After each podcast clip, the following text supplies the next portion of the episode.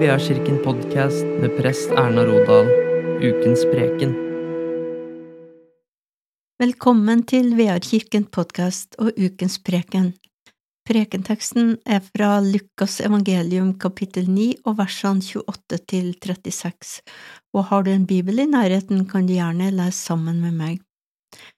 Omkring åtte dager etter at han hadde sagt dette, tok han med seg Peter, Johannes og Jakob og gikk opp i fjellet for å be. Og mens han ba, fikk ansiktet hans et annet utseende, og klærne ble blendende hvite. Med ett sto det to menn og snakket med ham, det var Moses og Elia.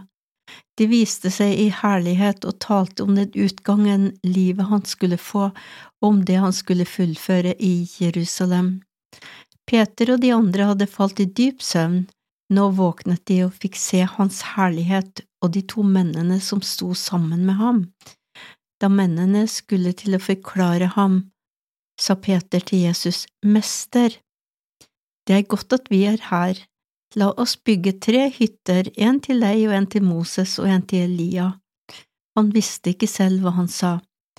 Mens han talte, kom det en sky og skygget over dem, og da de kom inn i skyen, ble de grepet av frykt. Det lød en røst fra skyen, Dette er min sønn, den utvalgte, hør ham. Da røsten lød, var det ingen annen å se, bare Jesus. Disiplene tidde med dette, på den tiden fortalte de ikke til noen hva de hadde sett. Slik lyder det hellige evangelium. Teksten vi hørte, er fra Kristi forklarelsesdag og et høydepunkt i fortellinga om Jesu herlighet, og søndagen mark markerer slutten av åpenbaringstida. Åpenbaringstidas tema har gjennom ulike tekster belyst Kristi åpenbaring, og i søndagens prekentekst forklares og åpenbares Jesu herlighet i hele sin fylde for Peter, Jakob og Johannes. Teksten gir oss et glimt av Jesu guddommelige vesen, Jesus, han som er bærer av den høyestes herlighet, skriver Peter i andre Peters brev. Ja, Peter var der, og han så Jesu guddommelige herlighet, og Peter ble en av de viktigste øyenvitnene til det som hadde skjedd, og til det Jesus hadde gjort. Han sier jo sjøl, vi vitner om det vi har sett og hørt. Fortellinga finnes både hos Matteus, Markus og Lukas. At tre av evangelistene skriver om denne hendelsen, er i seg sjøl et sterkt vitnesbyrd. Det betyr at hendelsen var sterkt bevitna og allment kjent og godtatt i den første kristne menighet men det er bare Lukas evangeliet som sier noe om innholdet i samtalen mellom Jesus og Moses og Elias. De talte om den utgangen livet han skulle få, og om det han skulle fullføre i Jerusalem, kan vi lese. Teksten kan mer ordrett oversettes. De talte om den utgang av verden som han skulle fullbyrde i Jerusalem. Uttrykket utgang av verden på grunnteksten Exodus, utgang, det henviser til Israels utferd fra Egypt, som vi kan lese om i andre Mosebok, eller Exodus, som boka også kalles.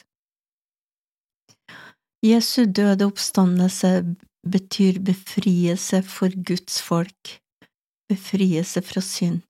Exodus, Utgangen fra Egypt betydde befrielse for jødene og befrielse fra slaveriet i Egypt. Men nå skulle også Jesus fullbyrde det som Gud ved Moses hadde gjort da han ledet folket ut av Egypt og befridde dem fra slaveriet. Moses befridde jødene fra livet som slaver i Egypt. Nå skulle Jesus fullbyrde ved å dø på korset og befri alle fra et liv som slaver under synden. Gud måtte finne ut en redningsplan når vi mennesker hadde stelt oss så dumt at vi ikke kunne være i Guds nærhet. Utgangen fra Egypt var første etappe i Guds utfrielse fra slaveriet. Nå skulle Jesus gå andre og siste etappe og dermed fullføre Guds utfrielse.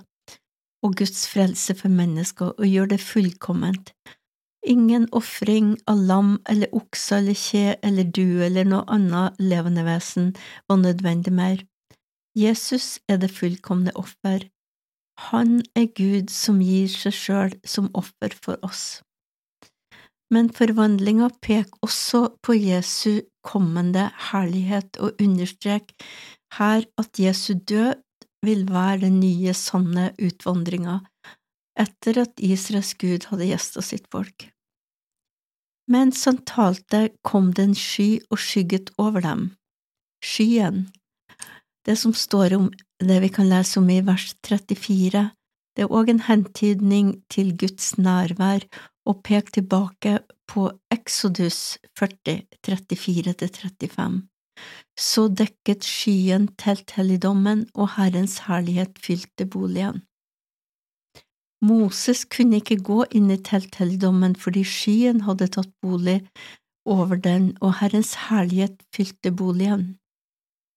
Moses var ikke i stand til å gå inn i telthelligdommen fordi at skyen ble igjen der, også Herrens herlighet og glans fylte tabernaklet på en sånn måte at Moses kunne ikke gå inn, det var simpelthen ikke plass for Moses inne i telthelligdommen. At Herrens herlighet fylte tabernaklet, demonstrerte Herrens nærvær hos israelittene. Så opptrer Herren Gud igjen med sitt nærvær i form av skyen, Gud er ikke langt unna, han bor blant sitt folk, og han ønsker å kommunisere med dem. I dagens tekst så kan vi følge Gud med sitt nærvær fra Moses, blir kalt av Gud i tornebusken gjennom utgangen fra Egypt, Exodus, gjennom ørkenvandringa og opp gjennom historien, inn i det lovede landet, og her sammen med Jesus, Peter, Jakob og Johannes der Jesus forbereder seg på å gå siste etappe for å fullføre Guds utfrielse og frelsesplan for mennesket. Jeg ble så minnet om en lovsang som eh, er noe omtrent sånn som det her. I'm not longer a slave of sin, I'm a child of God. Jeg er ikke lenger en slave av synd, jeg er ikke et Guds barn. Jeg synes det er en nydelig lovsang, og teksten her i dag demonstrerer egentlig hva som skjer når Jesus gir sitt liv for oss, og det er opptakten til det. Hele fortellinga får vi fortalt fra Peter, Jakob og Johannes sin synsvinkel, og det er de som forteller den videre, etter at Jesus er tatt opp til himmelen. Hendelsen skulle helt sikkert styrke Jesus, men også stadfeste for disiplene at Jesus er Gud så får vi igjen møte Guds herlige nærvær når Den hellige ånd blir sendt til verden. Tunger som av ild satte seg på hver av dem, og i dag bærer hver eneste en av oss som tror, dette guddommelige nærvær i seg. Og det må vi bli mye mer bevisst på. Når vi som Guds folk og som menighet er samla i Jesu navn og tilber og ber til Gud og del Guds ord og nattverden, så kommer Guds hellige nærvær enda sterkere iblant oss. Men det gudsnærværet som vi har iblant oss, som bærer med oss, det kan vi, med det kan vi bety en forskjell der vi er. Ja, vi kan faktisk forvandle verden. Med de bønnene vi ber, og med det at vi bringer Guds kjærlighet og nærvær der vi er, så kan det bety en forskjell i verden. Ære være Faderen og Sønnen og Den hellige ånd, som var, er og blir en sann Gud fra evighet og til evighet. Amen. I dag så har jeg lyst til å be ei bønn for deg som gjerne vil bety en forskjell for dem du har rundt, rundt deg. Kjære himmelske Far, takk for at du har tatt bolig i oss. Takk for at vi får lov til å bringe din kjærlighet og godhet iblant de vi har rundt oss. Vi ber, Herre Jesu navn, at vi skal se de mulighetene vi har. Vi ber om at du, Herre, må åpne opp øynene våre, sånn at vi hver dag ser dem som trenger kanskje et oppmuntrende ord eller et vitnesbyrd, eller trenger å bli løfta fram i bønn. Og vi ber òg i dag for um, krigen i Ukraina. ber i Jesu Kristi navn om fred og forsoning både i Ukraina og Russland, og vi ber i Jesu navn om at du skal komme og være nær dem som er rammet av krigshandlingene, og vi ber i Jesu navn at du må stoppe den krigen. I Jesu Kristi navn. Amen. Takk for at du lytta til VR-kirkens podkast. Ta imot velsignelsen. Herren velsigne deg og bevare deg.